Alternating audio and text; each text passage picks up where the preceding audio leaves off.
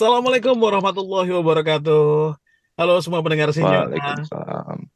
Sinyora, Sinyora Podcast hari ini mengudara dan banyak isu yang beredar simpang siur di masyarakat dan semua Juventini pasti sedang panas-panasnya ya karena tim kesayangan kita divonis pengurangan poin minus 15.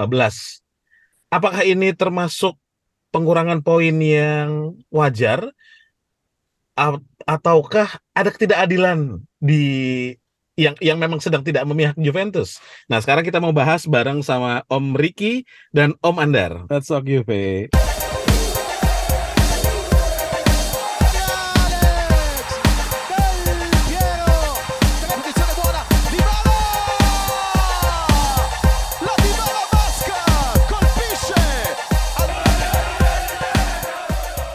Halo, selamat sore Om Andar, Om Rick. Halo Sore, semuanya, sore. apa kabar? Maaf ini mengganggu liburannya ini padahal lagi long weekend, lagi imlekan. Apa kabar Mas Andar? Baik, alhamdulillah. Emosi aja Alhamdulillah. sedikit. Gimana tuh? Gimana? Cerita dong Mas. Cerita-cerita gimana gimana Mas? Pas denger gimana Ya, seben- tuh? Ininya. Sebenarnya kaget ya, karena kan saya tinggal tidur tuh. Sebenarnya sore-sore kan udah muncul tuh yang kayak oh mungkin ini nanti nanti ini gini kan, Bahwa yang minus 9 gitu. Saya tinggal tidur pagi-pagi, bangun subuh kok Hmm. jadi minus 15 terus kayak nggak jadi terganggu deh jadinya tuh. Har- Seharian jadi Iya. kayak bad mood. Mm-mm. Iya, Ya, iya, begitulah iya. kira-kira Kita kita refresh uh, first sedikit. impressionnya. Kita refresh sedikit. Ini kan sebenarnya eh, masalah capital gain ya yang dipermasalahkan. Eh, kalau Om Rick sering bilang beberapa pemain Juventus paling cuma jadi plus Valenza gitu. Plus Valenza di sini kan sebenarnya tuduhannya adalah eh, pemalsuan nilai transfer terhadap transfer pemain gitu. Nah, kalau beberapa waktu yang lalu kita take kan sebenarnya kalau Om Rick dilihat dari segi hukum ini nggak akan Hmm. ada peng- pengaruhnya sama sepak bola atau sportnya gitu. Ini murni pidana. Kalau Om Rick ngelihatnya Iya. gimana dengan pengurangan poin Juve Om? Ya, jadi gini. Ini sebetulnya dua case yang berbeda sebetulnya. Hmm. Untuk kasus Plus Valenza ini sudah dinyatakan sudah ditolak sebetulnya. Hmm. Awalnya ini sudah ditolak, lalu kemudian diangkat kembali. Saat diangkat kembali ini kita kembali menang, kemudian jaksa banding. Nah, Mhm. sekarang ini diputuskan kita bersalah. Ini kita bicara dulu kronologisnya ya, Mas Anjar ya. Iya Om. Lalu itu kasus yang berdiri sendiri. Nah, kasus yang kemarin rame itu ya yang masalah apa kurangnya surat kontrak para pemain untuk masalah gaji. Ini katanya ada ada pemalsuan surat segala macam gitu ya. Iya, iya, Nah, iya. itu berdiri sendiri, berbeda. Nah, si kasus terakhir ini ditangani oleh jaksa setempat Hmm. sehingga yang berlaku itu hukum pidana murni, tidak ada unsur olahraga di sini karena yang namanya pemalsuan itu larinya ke pidana murni, langsung ke menyorot menyasar per person dalam si perusahaan tersebut, entah itu direksi atau manajer. Jadi ini secara personal tidak ada sangkut pautnya dengan klub. Seandainya pun ada sangkut pautnya dengan klub, maka si jaksa lokal ini akan membawa tuh si kasus itu ke FIGC. Hmm. Tapi dari pemahaman saya yang terbatas ini, saya tidak pernah membaca kalau misalnya si kasus pemalsuan itu dioper ke FIGC. Hmm. Sehingga tidak ada sangkut pautnya sebetulnya antara kasus Plus Valenza dengan kasus si pemalsuan ini. Nah, dalam pelaksanaannya seperti yang saya sampaikan barusan, ini nggak nggak nggak ada nggak ada nggak ada berita apa pun kalau misalnya Hmm, ini hmm. digabung. Yang ada bahwa kasus Plus Valenza ini meledak dengan memberikan penalti 15 poin terhadap Juventus. Tentunya ini membuat orang-orang merasa kebingungan. Karena apa? Ini kasus sudah ditolak sebelumnya. Aha. Ini sudah ditolak sebelumnya dan kemudian dinyatakan Juventus tidak bersalah. Jadi kita Hmm. punya dua presiden putusan hakim loh Hmm. bahwa kita tidak bersalah. Sudah dua kita punya presiden. tiba-tiba sekarang penalti 15 poin. Iya. Ini secara hukum membingungkan karena sudah ada presiden tiba-tiba diputuskan berbeda. Apalagi kalau misalnya melihat pada kasus-kasus lain yang benar-benar nyatakan bersalah seperti Kievo ya tahun 2000 saya lupa sekitar tahun 2015 2016 kalau nggak salah. Hmm. Mereka pun dinyatakan bersalah gitu ya kasus plus Valenza. Hmm. Itu mereka hanya dapat tiga poin pengurangan pengurangan poinnya gitu ya. Lalu Iya. kemudian mereka bangkrut pun itu bukan gara-gara pengurangan poin tersebut, tapi memang mereka tidak tidak masukin istilahnya itu uang operasional agar mereka bisa berkompetisi di di Hmm. di kompetisi gitu ya. Iya, iya. Nah, plus Valenza ini pun ya yang kita dikurangi 15 poin ini, ini kita kan nggak bisa melakukan kontrak hanya dengan kita sendiri gitu loh. Kan nggak bisa Betul. lu gua gua mengontrak diri gua sendiri ya nggak bisa dong. Sehingga butuh pihak lain untuk terlibat dalam sebuah perjanjian. Iya. Lucunya pihak lain tidak ada yang kena nih. Tidak ada yang kena hukuman ini. Dan dan yang kita berhubungan ini pun bukan cuma di sebatas Serie A ya. Di luar negeri juga banyak. Kayak misalnya Barca, itu kan kita juga punya kontrak dengan dia. Tapi ya sama sekali tidak ada tidak ada apa efek hukumnya sama sekali, hanya hanya ke kita sehingga kalau saya pikir sih dari segi awam ya dengan segi pengetahuan yang terbatas. Karena kita kan di Indonesia kita tidak bisa ya sebatas kita bisa baca put apa eh, statement dari Juve paling sebatas itu doang yang kita bisa baca dan beberapa jurnalis asing. Ini memang terlihat sangat mengada-ngada. Jadi wajar kalau misalnya banyak sekali perlawanan di Italia Ya. kalau saya pikir apa saat ini gitu ya. Nah, ke depannya ini Juve ini sudah melakukan perlawanan nih, sudah melakukan perlawanan. Cuman kita nggak tahu kapan kapan putusannya gitu. Jadi ya stay update aja deh. Kita tungguin aja kapan ini eh, di, di, di, diumumkan oleh pengadilan hasilnya seperti apa, hasil akhirnya seperti apa, gitu Mas Anjar. Ya, Juve kan punya waktu 30 hari buat mengajukan banding ya. Tapi kan kalau Iya. kalau saya lihat eh, pemalsuan nilai transfer atau kontrak pemain ini kan berkaitan dengan kesehatan keuangan Juve.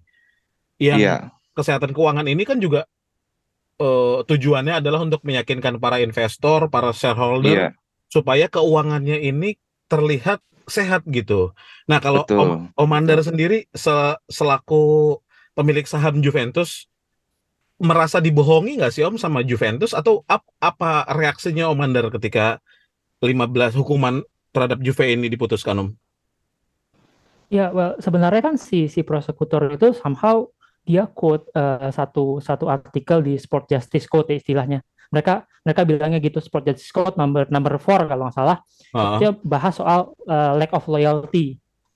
Eh, di satu artikel di di di Gazeta saya baca hmm, eh, artikel 4 itu yang eh, yang tentang em, lack of loyalty itu hmm, em, ada paragraf 1 artikel 31 bilangnya soal economic management violation itu profitnya itu cuma fine bukan pengurangan poin. Jadi memang memang memang berantakan sih. Jadi kayak ah, udah alasan Berantakan, berantakan. fine-nya di- dibikin-bikin fine-nya juga ah, apa sorry em, dasar hukumnya dibikin-bikin soal yang artikel 4 violation of loyalty itu atau lack of, of loyalty terus dasar hukumannya juga di situ kalau pakai artikel itu harusnya kena fine doang gitu. Entah kenapa ini kita nggak kena fine tapi ditukar dengan eh, minus 15 gitu. Hmm. um, in a way kayak eh, ya udah pokoknya gue bikin aja dulu begini toh nanti kan lo bisa bisa challenge gue kan. Nah sebenarnya kita tuh belum tahu alasannya karena um, by law mereka punya waktu 10 hari nih. Si Iya, si iya. sidang ini punya 10 hari buat ngasih reasonnya ke Juve. Jadi kayak 10 hari dari kemarin itu nanti bakal keluar tuh alasan resminya kenapa sih Juventus tuh kena 15 minus 15 gitu. Jadi kita belum bisa banyak ngomong juga sebenarnya alasan utamanya apa tapi kita bisa menerka-nerka bahwa ini tuh bullshit gitu kan. Hmm, hmm, hmm. setelah itu ya, Juventus di- dibolehkan yang Koni tadi kan. Tapi in way sebenarnya si kalau baca baca baca baca di artikel kan apa board of garantinya si Koni ini juga yang mimpin orang Napoli gitu Jadi ya ya sebenarnya makanya nggak nggak nggak tahu harapannya akan gimana juga kalau yang kita nggak bisa berharap orang Italia netral kan. Ya, ya, ya. khususnya buat Juventus gitu sih. Nah balik lagi kalau pertanyaan Mas Tio soal saya di- merasa dibohongin apa enggak sebenarnya um, iya by law memang mereka harusnya sebagai public listed company gamblang gitu. Apa pun yang terjadi di keuangan kan memang harusnya dilaporkan se uh, loud and clear ya. Dan dan itu kan memang makanya uh, di di audit juga mereka sama Ya. sama KPMG atau lainnya ya saya lupa. Pokoknya Big Four itu dan akhirnya kan keluar hasilnya memang memang memang em, nggak clear gitu. Jadi ya ya ya itu fakta sih. Jadi yang fakta yang nggak bisa di nggak bisa ditutupin. Tapi untuk kemudian menjadi isu masalah sporting ya itu itu la- lain hal gitu. Iya, finance finance menurut saya apa yang terjadi di lapangan ya di lapangan gitu. Iya, iya, iya. Nah, terus kalau masalah plus Valenza ini ya balik lagi. Kalau kalau saya logika orang awam seperti yang tadi Om Rik bilang ya. Logika orang awam ini kan perjanjian perjanjian pembelian pemain atau transfer pemain itu kan dilakukan oleh kedua belah pihak. Eh, Betul. kedua belah pihak ini pe- Juventus dengan tim lain gitu misalnya Tim lain. Ya Iya, sama PSG, betul Locatelli sama Sassuolo segala macam gitu. Kalau saya Betul. lihat sebuah artikel ini dari 10 tahun terakhir Juventus memang eh, eh, ter- tersandung masalah ini tapi nggak nggak sendiri. Ada ada Roma di peringkat kedua, Napoli, Inter, Atalanta, Lazio, Milan gitu. Kalau ngelihat mereka sama sekali tidak kena sanksi, gi- gimana Om? Iya, gini, Mas Anjar. Kalau kita berbicara mengenai kontroversi, ini nggak akan ada habisnya. Masalahnya begini, contoh satu, ini jual beli ini sampai kapan pun adalah ranah hukum perdata. Iya. Artinya hukum privat, hanya berlaku antara saya dengan si pembeli atau saya dengan si penjual gitu ya. Mau saya menentukan, ini gue jual 10 juta, gitu. padahal harganya Mhm. cuman misalnya satu juta gitu ya. Kalau iya. yang Iya. ngebelinya mau, ya nggak ada masalah dong. Yang Hmm. penting kan betul. kesepakatan, ya kan? Yang penting kan kesepakatan. Itu sudah menjadi hukum yang mengikat, gitu. Lalu kenapa pemerintah ikut campur di sini? Urusannya apa? Siapa yang Hmm. bisa menentukan nilai pasar? Apa haknya pemerintah menentukan nilai pasar? Iya. Dulu kasus Plus Valenza ini ditolak karena si jaksanya, jaksa penuntut ini mengajukan salah satu dasar menentukan harga pemain itu transfer market. Iya, website da- Transfermarkt ya. har- ya, Iya. harga jual beli pemain ini tidak memenuhi standar sebagaimana di dia ngutip transfer market. Ya, siapa dia transfer market? Lembaga resmi bukan kan bukan sama kayak Iya. Huskort segala macam gitu kan. Sama kayak JJ Girls misalnya gitu loh. Sama-sama Iya, iya. bukan Yes. lembaga resmi gitu loh. Hmm. Nah.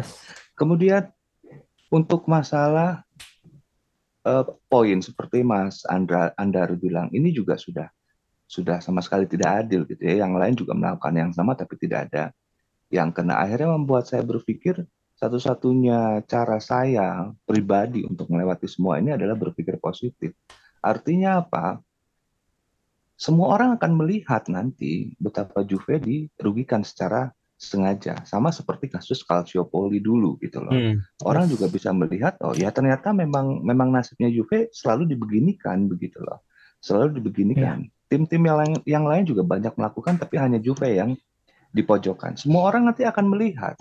Kalau dulu kita nggak punya media sosial kita hanya terbatas top score kalau nggak salah atau koran bola. Dengan betul, sangat kecil. Ya kan? Kalau sekarang semua orang sudah melihat gitu loh. Jadi mereka akan melihat kenyataannya seperti apa itu satu kemudian kedua saya berpikir positif bahwa seandainya Juve tidak masuk Champions, saya nggak ada masalah. UEFA Cup Hmm. juga nggak ada masalah. Ini akan membuat filter pemain Juventus semakin spesifik bagi mereka-mereka yang benar-benar ingin berjuang untuk Juve. Siapa? Ya. Nicolo Fagioli, Fabio Miretti, mungkin Locatelli, Ya. sehingga pemain-pemain yang mata duitan gitu ya, ya lu angkat pergi deh jauh-jauh gitu loh. Sehingga nanti yang akan terjadi adalah Juve sejuve-juvenya. Iya. Ini yang membuat saya bersemangat. Kita berjuang lagi dari nol. Kita tunjukkan kepada mereka bahwa kita sanggup. Gitu loh. Vino Alavine itu ada artinya sekarang. Gitu Betul. loh. Ini loh kenapa Vino Alavine gitu loh. Bukan gara-gara apa Allegri mainnya jelek terus kita misu-misu kita dibilang tidak Vino Alavine bukan itu. Vino Alavine ya seperti ini. Iya. Kita percaya sebuah value dan kita mengikuti value itu sampai akhir. Itu. Itu. Itu yang akan membuat kita semakin Juve. Jadi saya malah bersemangat ya udah lu putusin aja 15 poin nggak ada masalah. Saya sih malah seneng. Gitu loh. Kita akan melihat nanti Juve akan berangkat lagi dari nol. Dia akan juara lagi suatu saat nanti. Amin. Itu saya percaya sekali. Para Gitu, pemain juga udah support eh, dengan pasang foto kebersamaan di sosial medianya masing-masing. Terus Iya, para fans iya. di Itali juga udah mulai tidak berlangganan lagi untuk nggak nonton timnya, Iya. termasuk mendukung tim Italia yang berjuang di Eropa kayak gitu. Nah kalau Iya. dari manajemen Juve, Om Mandar, apa sih langkah Yes. spesifik yang langkah konkret apa yang akan dilakukan untuk eh, membela diri itu seperti apa, Om? Ya, yang, yang pasti dengan kita, kita lihat pos apa eh, isi-isi orang manajemen sekarang backgroundnya adalah finance finance law dan eh, memang mereka berkompeten di di bidang yang begini-gini yang soal administrasi bisa dibilang. Hmm. Jadi ya ya it's it's a long battle sih bakal kalau kita kalah di KONI most likely bakal kalah juga di KONI menurut saya. Kita bisa naik lagi ke administrasi ke tar yang Lazio itu or at the end kita bakal perang di CAS. Hmm. Um, dan itu menurut saya. Arbitrase itu tempat Arbitrase, fight yang iya. paling bagus gitu. Itu tempat paling netral buat saya dan ya it's a long battle, long one gitu yang yang ya bagusnya manajemen sekarang bisa fokus di situ gitu. Jadi um, it's a good thing kita lebih siap dibanding 2006. Kalau 2006 aja kita bisa balik lagi langsung ketika apa yang terjadi dengan Calciopoli buat Juventus tuh hampir nggak ada impactnya lah. Kita malah punya stadion bagus, kita punya tempat Hmm, latihan bagus, kita punya hotel, Iya. kita punya real estate, kita punya mall, kita punya macam-macam. Serie A-nya yang terpuruk dan sampai hari ini belum bangkit. Juventusnya bukan cuma bangkit, kita jadi jadi raksasa gitu di Italia. Iya, iya. Ya, ya hal ini justru buat saya malah yang terpuruk akan makin terpuruk Serie A-nya. Jadi kalau Betul, betul. kayak tadi betul. malam Torino lawan Fiorentina kemudian satu stadion semua nyanyi eh, mereka ber, bersukaria chant eh, yang yang nggak lompat pendukung adalah pendukung Juve gitu. Merayakan minus 15-nya Juventus tuh apa ya loser banget gitu. Iya, iya. eh, tim-tim lain ini gitu. Jadi kayak buat saya sih ya ya buat saya yang yang tambah hancur Serie A-nya sih. Bukan Juventusnya justru Juventusnya ya kita sudah jauh lebih bersiap gitu di dibanding 2006 kita udah punya manajemen yang sangat fokus dengan bidang administrasi dan hukum yang harapannya tentu orang-orang ini bisa fokus di di luar lapangan dan di lapangan fokus di lapangan gitu. Tidak saling menarik satu sama lain tidak saling ya semua berjuang terbaik ya di lapangan tetap bagus di di luar lapangan kita tetap tetap tetap bagus dibanding 2006 buat saya it's a it's a menarik menarik melihat melihat battle ini Hmm, tapi tapi sentimen apa yang akhirnya membuat eh, internal Italia sendiri, FIGC sendiri juga eh, nggak bisa bersikap netral gitu. Maksudnya kalau kompetitor kayak Napoli, Merda atau segala macam, mungkin dengan dengan Juventus terzolimi sekarang gitu, mereka bahagia, oke Mhm. lah saya tutup mata, diceng-cengin pun ya Mhm. udahlah saya tutup mata gitu loh. Tapi Mhm. kalau regulatornya sendiri juga tidak bisa netral, apalagi melihat eh, sejarah bahwa Juventus adalah eh, tim dengan eh, revenue yang terbaik di Eropa, terus dengan eh, bargaining yang baik, juga tulang punggung tim nasional Italia gitu. Apakah layak Juventus diperlakukan seperti ini, Om Mandar? Well, FIGC dari dulu emang begitu. Kalau memang FIGC mau serial baik, semua klub kita bisa bi- bilang Roma, Milan dan lain-lain yang yang ownernya mau bikin Fiorentina termasuk yang owner yang mau bikin stadion pasti akan akan dibantu, dipermudah gitu. Hmm. Kan faktanya enggak. Di, mereka tidak membantu sama sekali. Juventus itu karena kita kaya gitu bisa dibilang, cost kita buat bikin stadion itu tiga kali tiga kali lebih lipat tiga kali lebih besar daripada expected Ah, kita bangun Juventus Stadium itu karena kita, karena the whole pengeluaran-pengeluaran ekstra mulai dari em, proses mau clearing kontinasa, proses izin ngancurin dari Alpi hmm. dan lain-lain itu bi- bikin costnya bengkak tiga kali lipat. Kalau bukan orang Italia yang cinta Italia yang sampai generasi keempat sekarang megang Juventus, saya rasa pasti mundur kayak owner-owner lain, owner Roma mundur, owner owner banyak owner Milan mundur. Iya. Karena pengeluarannya nggak masuk akal. Ini kan karena karena karena emang ini warisan generasi keempat 100 tahun tahun ini anak bangsa bisa dibilang begitu ya mereka keluar duit tiga kali lipat untuk negaranya ya nggak masalah tapi ya emang FIGC nggak nggak mikirin mereka nggak peduli gitu Hmm, hmm. Nah. buat saya jadi Juventus itu ya ya memang anak tiri di negara sendiri tapi ya ya ya fakta begitu Iya, iya. Tapi gini Om Rick, kalau perseteruan ini Juventus versus the world gitu ya, Juventus versus everybody kita bisa bilang, apakah ini masalah terkait Juventus belum mundur dari European Super League? Apakah harus itu berdamai dulu supaya Juve eh, bisa dianggap lagi di kompetisi dunia ini? Ya, kalau saya pikir sih gini.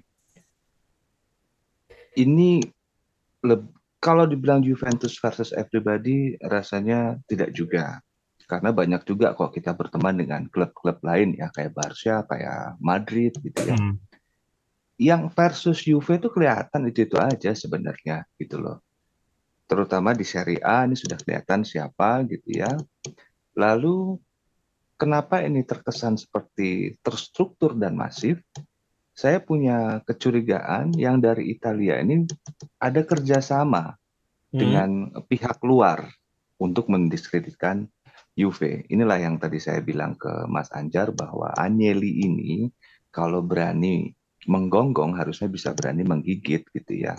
Hmm. Ide Super League ini jangan hanya sebatas isapan jempol gitu. Untuk nyewa pengacara, untuk untuk pakai siapa itu apa trustinya JP Morgan ya kalau nggak salah ya.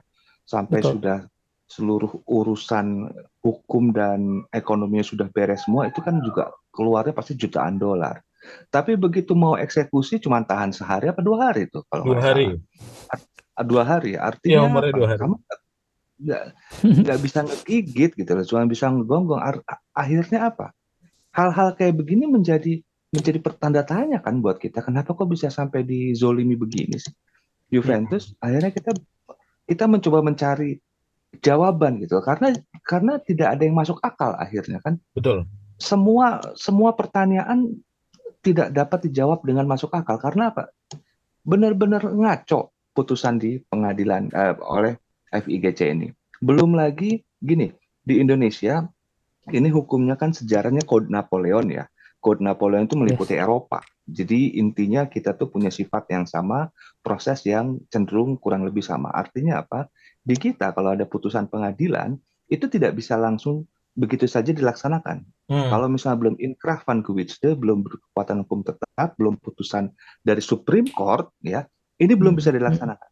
Ini tiba-tiba dilaksanakan 15 poin. Iya. Kan aneh. langsung turun udah langsung turun di langsung di turun. klasemen Sudah langsung turun. Tapi oke, itu hanya sebagai salah satu contoh jawaban-jawaban kita menjadi akhirnya blur semua kok aneh gitu ya. Akhirnya apa? Kita mencari jawaban lain. Kenapa kita bisa dibeginikan? Saya khawatirnya ide Super League ini akhirnya menjadi senjata makan tuan bagi Juve. Hmm. ada pihak yang sangat marah. Pihak yang sangat marah ini kita tahu siapa ya. Ini akhirnya bekerja sama dengan lokal sehingga membentuk suatu suatu tindakan yang masif dan terstruktur untuk membuat Juve seperti ini. Jalan keluarnya memang berdamai. Tapi sejauh mana Juve bisa berdamai? Karena Hmm. begini loh, mau berdamai itu berarti kan kita harus canceling si Super League ini, which is kalau canceling Super League ini kita harus keluar uang berapa ratus, saya, lupa berapa Iya, iya. penaltinya tuh kalau penaltinya betul. diakhiri. Akhirnya apa maju kena mundur kena. Kenapa semua ini bisa terjadi? Ya itu yang saya bilang di awal tadi. Lu kalau misalnya berani ngegonggong, lu harus berani ngegigit gitu loh. All out. Artinya apa? Semua konsekuensi harus lu pikirin matang-matang. Ini kan cuma sehari dua hari udah langsung kolaps. Artinya apa? Tidak dimat tidak dipertimbangkan secara matang. Untuk melaksanakan sebuah ide ini kan kita harus bisa mengetahui musuh kita seperti apa, di depan kita seperti apa, medan perangnya seperti apa. Akhirnya apa? Juve hancur sekarang. Kenapa Barca dan Madrid bisa tetap berjaya? Nah ini koreksi juga apa? Introspeksi juga kita. Betapa rentannya berarti kita dalam berdiri. ya mungkin situasi atau kondisi di eh, liga di Spanyol mungkin lebih kuat ya untuk Barca dan Real Madrid. Barca ini kan dia mewakili daerah ya, jadi memang nggak bisa main-main tuh lawan Barca tuh. Bisa melakukan pemberontakan total itu masyarakat Blaugrana. Eh siapa? Eh, eh, Tahunnya. Katalan. apa itu? Katalan, Katalan bisa berontak total itu. Sementara kalau di Italia Juve ini jadi jadi istilahnya itu jadi gampang diserang kanan kiri gitu loh. Akhirnya apa? Hancur sendirian Juve. Saya rasa sih pasti si orang kuat ini pasti akan berusaha mengejar Madrid dan Barca juga, tapi mereka terlalu kuat. Liganya nggak bisa digoyah. Di kita di Italia gampang digoyah. Iya. Ini ini cuman kecurigaan saya, cuman cuman asumsi, cuman teori. Saking saya juga nggak ngerti kok bisa begini-begini amat, berani banget sih. Nggak Orang malu apa sama orang gitu Orang loh. kuat ini kita asumsiin Qatar Om ya. Kita asumsikan eh, bukan Qatar sebagai negara, tapi ini kan UEFA ya. Kita Iya. tuh melawan UEFA. UEFA ini dia berkaitan dengan hak siar ya. Hak siar ini kan dipegang BeIN. BeIN ini kan punyanya eh, punyanya Qatar. Jadi ya secara tidak langsung lah ya. Kalau Qatarnya sendiri saya rasa sih terbebas. Tapi ownernya PSG ini kan di Qatar gitu loh. Jadi ya kita nggak bisa menuduh salah satu orang yang bertanggung jawab, tapi sebuah sebuah masif terstruktur sebuah apa istilahnya, sebuah bubble gitu loh yang kita nggak tahu tepatnya siapa gitu. Tapi kerasa gitu loh ininya tindakannya Hmm. berantakan ini Juve. Jadi Agnelli memang memang sangat saya sayangkan gitu loh. Ide bagusnya kalau kalau Iya. dilihat eh, kondisi seperti sekarang ini sangat disayangkan sebenarnya. Kalau misalnya benar ya asumsi saya ya, bisa aja kan hal lain yang ter terjadi ya gitu loh. Sangat-sangat disayangkan kalau itu benar yang terjadi gitu. Nah itu kalau dari Om Rey, kalau dari Om Andar, apakah kita harus berdamai sama UEFA dulu Om? Supaya Well, nggak jadi bulan-bulanan gitu Juve. point of view-nya memang nampaknya begitu ya. Jadi kayak Nah. dengan Andrea Nelly ini somehow memang sudah kehilangan juga support dari dari Exor juga bahkan dia dia kan bu- bukan cuma mundur dari Juventus bahkan dia mundur dari dari Keluarganya. BOD-nya Exor juga gitu. Iya. Jadi dia literally melepaskan segala jabatannya di semua bisnis yang berhubungan sama bisnis keluarganya gitu Hmm. dari Exor dari yang dari keluarganya jadi ya ya ya bisa jadi ketika dia dulu bikin ISL mungkin gitu supportnya nggak 100% juga dari Mhm. dari L kan bisa bisa dibilang begitu. Jadi dia em, ya nekat aja gitu bonek aja gitu ngambil keputusan ISL ya ya judi lah bisa dibilang gitu ya berjudi nasib akhirnya ya ternyata berantakan gitu. Dan akhirnya ya dia mundur, dia melepaskan diri bukan dari Juventus tapi dari semuanya dia mundur. Dan ini ya sebenarnya disayangkan gitu endingnya begitu. Tapi kita nggak pernah tahu apa yang terjadi di dalam Exor ya. Iya. family business kan memang complicated. Iya iya. jadi Betul. ya ya ya kemungkinan besar begitu. Karena ke- bisa lihat sekarang orang-orang di board Juventus tuh benar-benar bisa dibilang bonekanya L kan gitu perpanjangan tangannya L kan. Jadi benar-benar Juventus dikontrol sama dia gitu. Ya it's a good thing sih. Dia mem- mem- memilih untuk naruh orang-orangnya instead of dia mem- mem- memilih untuk misalnya menjual Juve gitu Hmm. buat saya ya ya kita lihat aja apa yang akan kejadian tapi El kan jelas lebih powerful dibanding Anelli Iya. jadi bisa jadi it's uh, hal baik akan terjadi buat Juventus Amin, pasti pasti akan terjadi sih. Yang namanya orang dizolimin, apalagi saya sih ngelihatnya banyak pemain, banyak fans yang justru sekarang dulu tuh banyak yang terpecah belah gitu, dukung Allegri ya, atau enggak, mau nonton atau enggak. Nah sekarang tuh fans Juventus sudah bersatu semuanya. Ini ini jadi titik balik sih Ya. sebenarnya. Ya semoga apa pun Iya. yang terjadi ya kita tetap Juventus gitu. Mengutip Iya karena sebenarnya ya karena sebenarnya kan 2006 itu banyak orang yang nggak terasa kan yang nggak ngerasa dimusuhin sama orang lain itu banyak kita cuma ngerasa oh kita nggak bisa nonton Juventus nggak bisa apa kejadian ini semua orang semua yang menunjukkan identitas bahwa pendukung Juventus itu pasti kena bully jadi ya Ya. pasti kita akan bersatu gitu pasti. Ya Bismillah lah mengutip kata Chiellini, sekali lu Juventus, selamanya lu akan Juventus gitu. yes Itulah Ya. Juventus. Ya paling ntar berapa tahun kemudian ketemu bukti nih. Oh ini juga bersalah, tapi kan udah statute of limitation, nggak bisa Nah, biasanya gitu. digugat, nggak bisa diputus. ya begitu itu. Iya. Sekarang diumpetin dulu nih bukti Ceritanya akan dia. berulang sih. Iya. Heeh. Ya itu kan patternnya udah ada gitu. Jadi jangankan Iya. orang Italia lah yang yang yang memang sehari-harinya di sana. Kita aja udah bisa ngebaca patternnya kayak Betul. gimana, polanya kayak Ketebak gimana. banget. Iya makanya. Iya. Ya Makanya gitu ini lah. orang berharap banding di Koni buat saya sih apalagi yang leadernya orang Napoli ya Mm-mm. ya gimana mau expect mereka net dia netral orang ini Iya, gitu untuk mutusin kayak Juventus kehilangan 15 poin. Iya. Ya kita kan nggak bisa mata orang Napoli pasti dukung Napoli dong. Dan Iya, dengan iya. 15 poin ini kan bisa dibilang peluangnya Napoli buat juara akhirnya Iya. gitu setelah puluhan tahun menjadi sangat besar gitu. Ya, Ya. silahkan aja sih, silahkan aja. Saya sih seperti tadi berpikir positif. Ini kita akan Hmm. akan balik lagi seperti dulu gitu loh. Akan ma- malah malah lebih Juve daripada yang kita kita tonton Ya. beberapa tahun belakangan ini. Jadi positif aja Setuju, sih saya saya. setuju sama Om. Comeback Iya. stronger pokoknya. Mm-mm. Ini dan Iya, di ini Vino betul. Alvin ini sedang diuji ya. Ya kita harus bersatu Iya. untuk Juventus sekarang. Apa pun itu dari semua unsur gitu. Iya, Ya, in, in, it's a good thing karena buat saya banyak tifosi yang udah mulai mulai bosen juga, mulai capek, mulai nggak semangat sama Juventusnya. Dengan adanya ini jadi kayak dibakar lagi gitu semangatnya. iya. Om Iya, niatnya nanti gua hari Selasa ah, sama Adit, Tio dan Alvin tuh mau demo ke kedutaan Italia. Mungkin ikut nggak? Demo ya. Mau lemparin Katanya mau ngirim bunga gitu. katanya. Wah, kayaknya Jadi kalau didatengin berarti. soft kayaknya. Kita mau anarkis sekalian aja gitu. Bagus wes. tuh, bagus tuh. Makasih banyak Komandar Om Rek yang udah ngobrol Makasih di Mas Anjar, Mas Makasih Anjar, Anjar. Iya. ya kita akan lebih deh. strong lagi lah ke depannya. Kita akan lebih Iya. hebat lagi pokoknya kita akan lebih juve lagi. Dan semua Amin. Forza juga pendengar pokoknya. Siap.